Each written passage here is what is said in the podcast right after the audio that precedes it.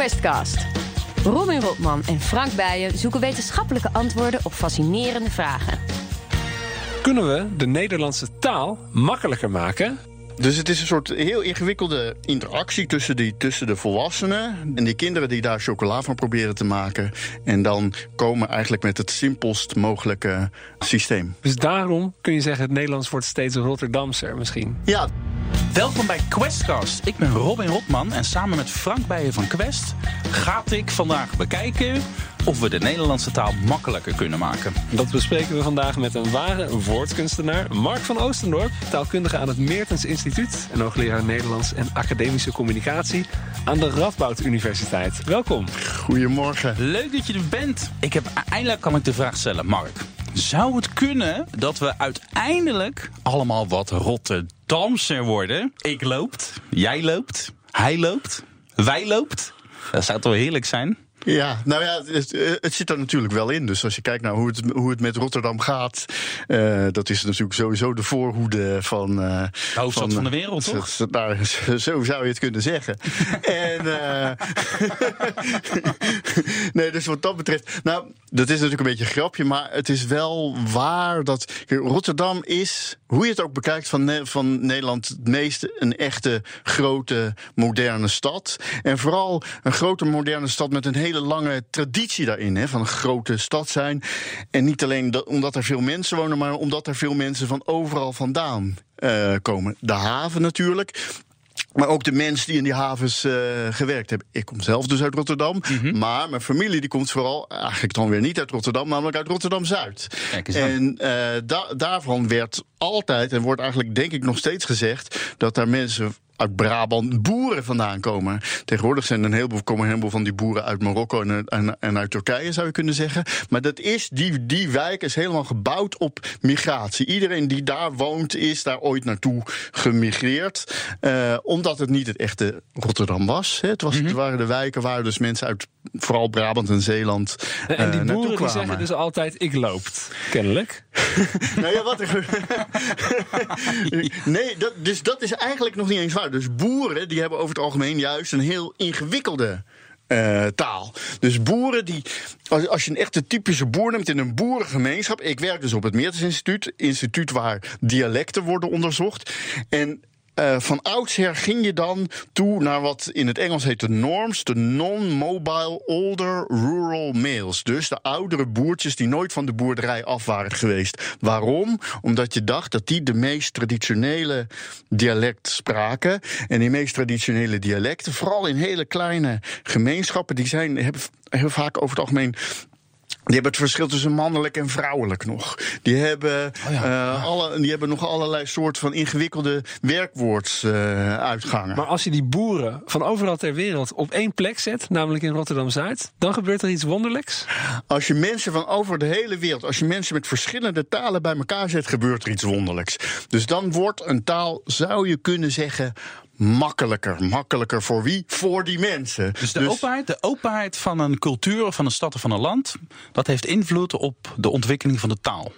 Ja, kijk, weet je hoe het zit? Er zijn, de, uh, heel belangrijk is dat er een groot verschil is tussen kinderen en volwassenen als het gaat over taal. Mm -hmm. Dus kinderen tot een bepaalde leeftijd, we weten niet precies wat voor een leeftijd, maar in ieder geval tot de puberteit zo'n beetje, die pikken een taal moeiteloos op. Je zet een, je, je, uh, uh, kijk naar ik vertrek, hè, dat, daar, daar denken veel mensen dan aan. Dus mensen gaan naar het buitenland, Oh, uh, die, die drukken zich in verschrikkelijk krukkig Frans uit, ook al hebben ze maandenlang cursussen gedaan.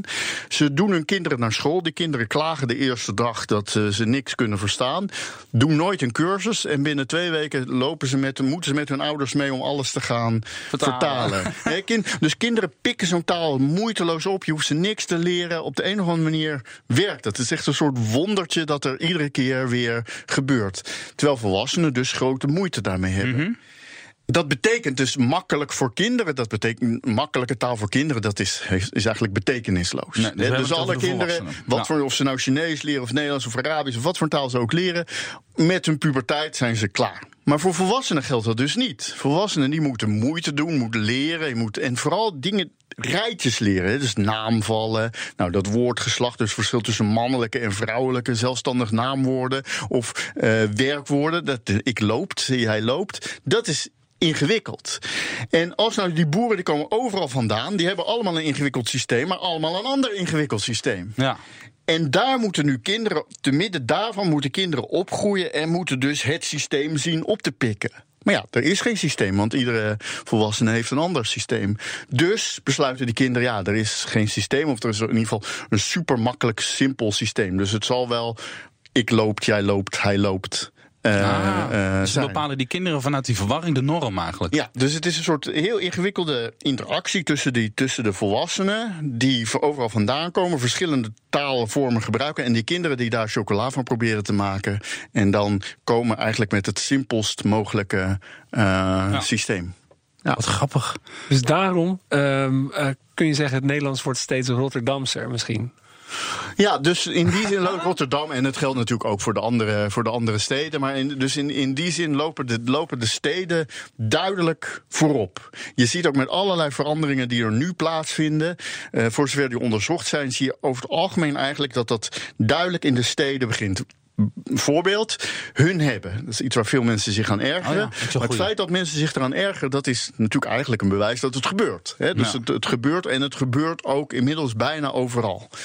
Maar het gebeurt, het, het, zoiets heeft een hele lange aanloop. Hè, dus we weten kun dat, je vertellen waar het is, begin, waar het is begonnen? Sorry, hun ja, hebben. Dat, dat, dat, weten we dus niet precies. Dus er zijn een paar bewijsplaatsen, zo'n beetje van het begin van de 20e eeuw. Maar toen viel het eigenlijk niemand op. Het staat in het dagboek van Anne Frank. Dus Anne Frank gebruikt het, geloof ik, één keer in haar dagboek. Oh, ja. uh, dus, en dat was Amsterdam natuurlijk. Uh, maar dus een beetje daarna zijn ze begint te onderzoeken. Ook daarna is eigenlijk de echte explosie begonnen. De ex explosies van de laatste paar decennia. En. Um, je ziet dat het springt van de ene stad naar de andere. Het springt van Utrecht naar Nijmegen. En dan, dan vervolgens begint het zich in ieder van die steden als een soort olievlek over de omliggende gebieden uh, uh, te verspreiden. Maar het zijn altijd de steden die daar uh, een rol in spelen. Daar gaan we zo op door. We gaan even naar Franks feiten. Frank, in welk land vind je nou de minste dyslectici? In Finland. Daar heb je er erg weinig van. En dat zou kunnen komen door de Finse spelling. Die is heel erg simpel. Een A met puntjes, die spreek je uit als E. Een Y spreek je uit als U. En geen enkele letter spreek je op meerdere manieren uit. Volgens sommige onderzoeken zie je dat niet alleen terug aan het lage aantal dyslectische Finnetjes, maar werkt het ook in andere talen. Hoe helderder het spellingssysteem, hoe minder dyslexie. Hoe minder dyslexie. Hm. Ja, zoiets. En is Nederlands nou een dialect van het Duits? Ja, zijn we familie? Ja, toch ja. wel? Ja. ja. tot het einde van de middeleeuwen konden een Hollander en een Berlijner elkaar beter verstaan dan een Berlijner en een Zwitser. Het uh, Duitse taalgebied was gewoon één groot geheel in feite. En de belangrijkste scheidslijn die, uh, liep tussen het Hoogduits uh, in het heuvel- en mm -hmm. berggebied en het Laagduits. En pas nadat Nederland politiek los kwam te staan van de rest van het Duitse gebied... en een eigen bijbel kreeg en een eigen staat... werd het Nederlands steeds meer een aparte taal. Net als het Duits. Maar je dus ziet, Mark, dat, uh, dat wij niet uh, mannelijke en vrouwelijke woorden hebben... zoals ze in het Duits wel hebben. Nou, wel mannelijk en vrouwelijk. Nou ja, we, ja. we, hebben, we hebben ze wel, maar we zeggen eigenlijk altijd de voor mannelijk en vrouwelijk. En in het Duits is het die en der. Ja, ja Um, dus, dus dat is zo. Het is wel zo dat in de in Nederlandse dialecten, vooral in zuidelijke uh, dialecten, uh, mensen het gevoel nog wel heel erg hebben voor mannelijke en vrouwelijke vormen. Mm -hmm. En ze in de dialecten ook nog wel verschil maken in precies dat de en uh, dus ze zeggen dan dun man en de, en de vrouw. En, hoe, hoe split zich dat dan af? Ja, het is eigenlijk heel gek. Zijn die mannelijke en vrouwelijke vormen nou weg of niet? Want als je in het groene boekje gaat kijken, dan staat er voor sommige woorden nog wel degelijk dat ze mannelijk zijn of vrouwelijk zijn, of dat je de voorkeur hebt voor een vrouwelijk uh, woord. En sommige mensen hebben daar nog een bepaald soort gevoel voor. En soms ontwikkel je daar een gevoel voor. Dus ik heb daar eigenlijk van huis uit nauwelijks een gevoel voor. Maar ik, ik schrijf zo vaak over taal dat ik weet dat taal een vrouwelijk woord is. En dat je mm -hmm. dus naar taal moet of kunt verwijzen, in ieder geval met, met, uh, met zij. Dus, dus het, dan zeg je het de taal en langzaam haar eigenaardigheden. De taal en haar eigenaardigheden. Als je zegt de taal en zijn eigenaardigheden, dan kijkt niemand je vreemd aan. Nee, nee dus dat. Uh, Behalve zijn collega's. Maar dus dus, en dit, dit- dus, inderdaad, dus dit is precies. En dus zo, verandert ook taal. Dus het verandert natuurlijk niet dat op een, een dag iedereen opstaat. en opeens eh, eh, geen mannelijk en vrouwelijk meer heeft. Maar mensen gebruiken dat steeds minder vaak. Sommige mensen gebruiken het op een bepaald helemaal niet meer. Er zijn dus sommige kinderen die zijn in zulke verwarrende omstandigheden. dat ze dat verschil niet meer leren. En die groeien dan op. Anderen verkeren net iets andere omstandigheden. Dus, dus je hebt hele lange tijd kan honderden jaren duren. Heb je een soort verwarring en variatie. En iedereen doet het op zijn, op zijn eh, eigen manier. Dus die Ah, dus woordgeslachten dus zijn aan het verdwijnen, maar ze zijn nog niet echt weg. Maar we krijgen dus ook nog 100 jaar ruzie over Ja. of groter als. Eh, dat gaat ook nog 100 jaar duren. Voor, Ik zal het je nog sterker vertellen. Groter als en groter dan, daar, dat, die ruzie gaat nooit meer weg. Die ruzie is ook al echt zo oud als de weg naar Rome. Kijk, waar komt dat vandaan? Groter als en groter dan werden in, ik, ik zal maar zeggen, in ons gebied. Dus zoals Frank daarnet terecht zei, er is natuurlijk lange tijd was er helemaal geen verschil tussen Nederlands en Duits. Maar op een bepaald moment ontstaat er dan verschil tussen Nederlands en in Duits. En in het gebied waar wij nu zijn, zijn we halverwege tussen Duitsland en Engeland. In Engeland zeggen ze bigger than, dus dan gebruiken ze de dan-vorm. In Duits zeggen ze größer als, dan gebruiken ze als-vorm. Nou, wij zitten in dat gebied daartussen en wij gebruiken ze dus allebei. Ze worden van oudsher, dus in de in middeleeuwse teksten, worden ze allebei gebruikt. In de 17e eeuw dan ontstaat het idee, ja, het Nederlands moet dus een eigen taal zijn. En men zet zich vooral af tegen dat Duits. Ja, dus wij zijn anders dan het Duits. In het Duits zeggen ze größer als. Dus moet de Nederlandse vorm wel zijn groter dan. Echt een daad van verzet. Het is, nou ja, verzet. dit is dus purisme in een soort zuivere vorm. Ja. dat is zeggen, onze taal moet zuiver zijn. En die moet dus zoveel mogelijk verschillen van een willekeurige andere taal. Dus overal waar we een verschil kunnen maken, maken we dat verschil. Ja. Als we ons in die tijd, in de 17e eeuw, druk, net zo druk hadden gemaakt over het Engels als nu. Dan hadden we waarschijnlijk groter als gekozen. Dan hadden we gezegd, ja, groter dan, dat is invloed van het Engels. Ja, hadden we dan gezegd. Hè? Ehm, maar eh, Frank een die Engel- zit te springen, die wil Ja. niet. die- Ja, we hadden het net al een paar keer. eh, wel- ja, we, hadden, we hadden het net al een paar keer over kinderen. En eh, wat ik nou zo mooi vind, hè, ehm, is dat kinderen die hebben echt een ijzeren gevoel voor grammatica. Dat is echt niet te onderschatten. Ja. Mijn eh, dochter van, eh, die is net drie geworden. Ehm, en die eh, heeft eh, een tijdje lang gezegd: Nou, ik heb een eh, liedje gekiest. Ja, of ik heb een liedje gezinkt. ja. En dus die maakt van alle sterke woorden die we nog hebben, die maakt er zwakke werkwoorden van. Die maakt alles regelmatig. En dat is eigenlijk heel stom, want op den duur komt ze er weer achter. Ehm, dat het dan niet gekiest is, maar gekozen. En Ja. niet gezinkt, maar gezongen. Dus in feite, als je de eh, peuters de sleutel tot de taal zou geven... dan zouden ze alles eh, in één klap eh, regelmatig lossen maken. het op dan ook. Alles Ja, in één is- klap regelmatig. En da- eh, daarmee ook de taal veel makkelijker te leren voor andere kleine kinderen of voor buitenlanders. Het Nederlands zou eh, makkelijk te leren, misschien wel een. Eh, makkelijker te leren zijn voor, eh, voor Duitsers die handel drijven met Nederland. Misschien zouden wel meer buitenlanders Nederlands leren. Zou de positie van de taal als driejarige groter... gesprekken en zien wat. Ja, dus het, probleem is wel dat. Dus dat, is, dat klopt. Maar, dat kan- alleen maar voor kunnen kleuters we van. dat ook niet na, navolgen als volwassenen? Dat we ook gaan zeggen gekiest en gezinkt. Ja. Dat, dan zouden we het leven van een heleboel taalleerders een stuk makkelijker maken. Oké, ik wil er twee dingen over zeggen. Dus in de eerste plaats, het, wat, het klopt voor je dochter. Maar eh, die, die taalverwerving, zoals zij dat noemen, die heeft eh, een, u, een soort vorm van een U. Dus het begint wel degelijk met zeggen gelopen, gekozen, gezongen. Waarom? Omdat dat de meest voorkomende vormen zijn. Juist die zogenaamde sterke werkwoorden, die komen eigenlijk het meeste voor. Het gaat allemaal over werkwoorden die we heel vaak gebruiken. En daar beginnen kinderen dus ook wel degelijk mee. Alleen dan na verloop van tijd ontdekken ze dat er een systeem is. Dat er een heleboel andere werkwoorden zijn die volgens dat systeem werken. En dan dan gaan ze dus, verlaten ze opeens gekozen, gezongen, gelopen. En gaan ze naar ge, gekiest, geloopt, eh, gezinkt eh, door. En dan na verloop van tijd, daarom heeft het een U-vorm, eh, dan leren ze dus dat er een regel is en dat er uitzonderingen zijn op die regel. Dus, dus dat is één. Het is zelfs voor die kinderen niet zo heel erg simpel. Zouden wij dat nu niet kunnen navolgen? Ja, nee, gek genoeg. Het, het, het, rare van, van, van taal is, nu komen we ook op het antwoord op de oorspronkelijke vraag.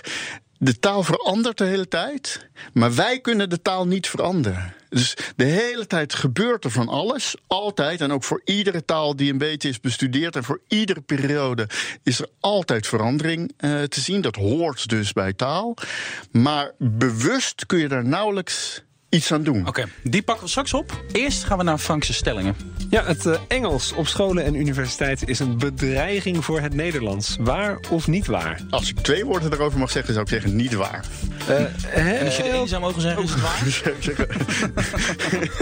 ja, precies. Okay.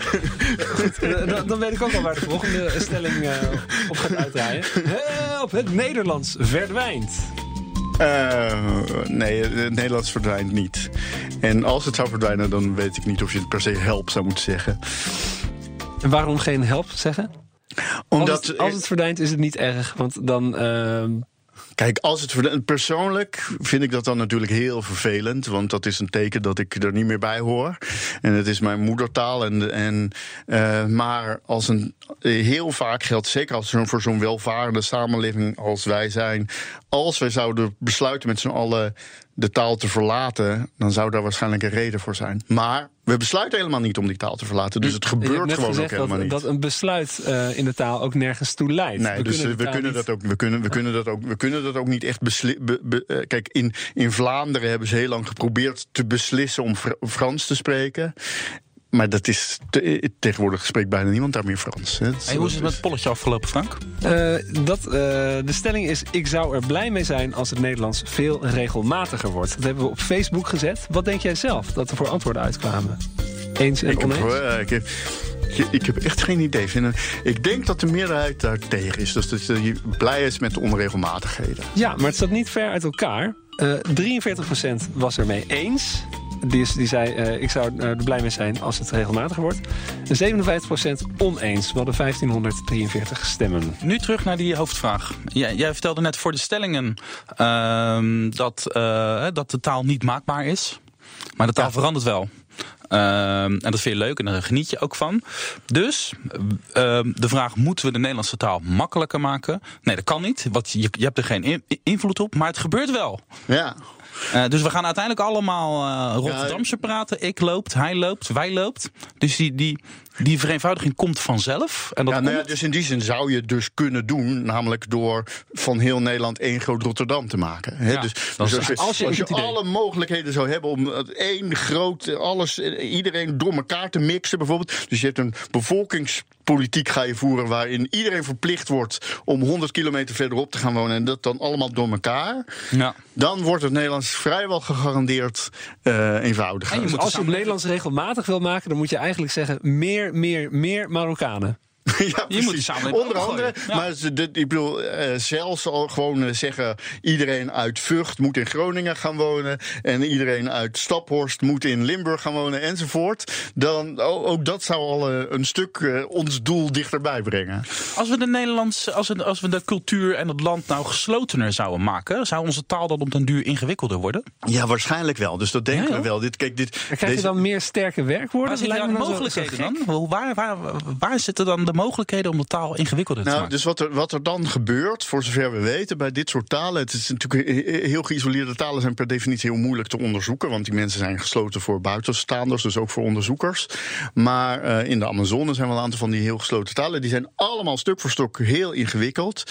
En wat er waarschijnlijk gebeurt, is dat je eh, woordjes worden een beetje sneller uitgesproken. Voorzetsels worden een beetje sneller uitgesproken. Die worden dan door een volgende generatie van kinderen geïnterpreteerd als naamvallen. Want die kinderen hebben immers geen problemen met naamvallen. Zo kan er dan een heel rijk systeem van naamvallen gaandeweg ontstaan. En hetzelfde voor werkwoorden. Dus dan bijvoorbeeld ook hulpwerkwoorden. bij het IJslands of zo? Dat is volgens mij eh, misschien het, Nederland, het Europese voorbeeld van een erg geïsoleerde taal. Is het IJslands heel moeilijk? Komt het omdat Nou, dus, dus het IJslands kun je dan vergelijken met de andere Scandinavische talen. En, want die hebben dezelfde oorsprong. Hè. Dus IJslands komt van Noors, van Noren die ooit op IJsland zijn gaan wonen. IJslands is een stuk ingewikkelder dan. Eh, eh, het Noors. Dus in zoverre klopt het. Het is bij het IJslands eerlijk gezegd niet zo duidelijk dat het nou echt veel ingewikkelder is geworden. Het lijkt er daarmee op dat het de oorspronkelijke ingewikkeldheid heeft behouden. Terwijl uh, de andere Scandinavische talen ook weer al die naam. Dus IJslands heeft naamvallen. Noors en Zweeds hebben eigenlijk die naamvallen verloren. En Deens die naamvallen verloren zoals wij de naamvallen verloren hebben. Dus zij, en, maar ja, goed, zij hebben dus veel contact gehad en de IJslanders niet. Ik, ik weet geen voorbeelden dat het IJslands echt ingewikkelder is geworden. Daarvoor moeten we waarschijnlijk nog geïsoleerder zijn. Jeetje, wat leuk. Ja. Wat leuk om jou te horen praten over taal. Wat een ontzettende leuke, blije, ja, enthousiaste... Ik heb, dus de, een van de leuke dingen van taal is dat je er dus inderdaad ook over kan praten. Dus dat het zelf ook weer het medium... Dus je in het medium praat je over hetgene waarover je praat. Ja. ja. ja ik denk dat we gewoon het antwoord moeten gaan zoeken. Hè? Ja. Kunnen wij de taal makkelijker maken? Nee, wij kunnen het niet makkelijker maken. We kunnen niet echt een knop bedenken waar we op kunnen drukken om het makkelijker te maken. Behalve de grenzen open. Maar uh, als je maar lang genoeg wacht, uh, ja, het, het, het gaat gewoon veranderen. Maar, maar of het per se makkelijker wordt. Maar zou je kunnen zeggen dat wij dus in een land leven met, eh, waar het open is, uh, waar veel invloed van buitenaf. En dat we wel in omstandigheden leven waarin je kan zeggen, de taal wordt wel makkelijker. Die zal makkelijker worden. Ja, maar de taal wordt dus makkelijker. Ik vind dat echt heel belangrijk. De taal wordt makkelijker, maar het makkelijker voor mensen die het als volwassenen willen leren. Precies. Voor kinderen wordt die niet makkelijker, want voor kinderen kan die niet makkelijk worden. En misschien, ik heb misschien niet zozeer een, een grappige uitsmijter, maar dan wel een bemoedigende uitsmijter. Dus we hadden het er net over, is het, moeten we nou wel of niet hipoera roepen als het Nederlands verdwijnt. Maar er is gewoon geen enkel teken dat het Nederlands verdwijnt. Mensen maken zich daar wel zorgen over. Dan gaat het natuurlijk eigenlijk altijd over het Engels, iets waar we het nu niet over hebben gehad. Um, maar um, in de eerste plaats, dat Engels dat speelt een heel belangrijke rol in ons leven. Het Frans heeft eeuwenlang een heel, heel belangrijke rol gespeeld in ons leven. Heeft allerlei sporen nagelaten, maar heeft het Nederlands nooit doen wegvagen. Zelfs in Vlaanderen niet. Mensen kunnen, behalve dat ze heel snel taal kunnen leren, kunnen mensen, mensen, kinderen in ieder geval ook heel makkelijk twee talen leren. Over het grootste deel van de wereld leren mensen twee talen. Dus ik denk dat het Engels kan onze samenleving komen verrijken. Maar er is geen reden om te denken dat het Nederlands daarvoor verdwijnt. Wij, zoals wij hier nu staan, we zouden het heel raar vinden om Engels te gaan praten met elkaar. Dat, dat, dat voelt ongemakkelijk. Iedereen kent, het is nu zomer, iedereen kent dat gevoel. Je gaat op vakantie, je ontmoet iemand op vakantie die je niet kent... en met wie je dus in het Engels praat... en dan ontdek je opeens gaandeweg dat die persoon ook uit Nederland komt. Het gevoel dat je dan hebt is een soort ongemakkelijk gevoel... alsof je eigenlijk iets raars hebt gedaan. De, met andere Nederlanders pra uh, Engels praten, dat doe je eigenlijk niet. Misschien in sommige bedrijven waar het een regel is, maar het is niet natuurlijk. En zolang dat zo is, verdwijnt het Nederlands niet. Het is tijd voor onze ogenschijnlijke nutteloze rubriek. Maar nutteloze kennis bestaat niet. Frank. Zo is het. Uh, het blik is een halve eeuw eerder uitgevonden dan de blikopener. Over een halve eeuw eerder gesproken. uitgevonden? Jazeker. het waren heel veel uh, oude, oude groenten die ze hebben gegeten. Door, vertel. Uh, Peter Durand is een Engelsman. Die kreeg in 1810 patent op het voedselblik. Dat was reuze handig voor de Britse marine die moesten overal naartoe varen en die konden dan eindelijk wat eten meenemen. Uh, die eerste blikken waren nog niet echt super handig, moet ik zeggen. Het was gietijzer met een laagje blik eromheen. En dat was een halve centimeter dik.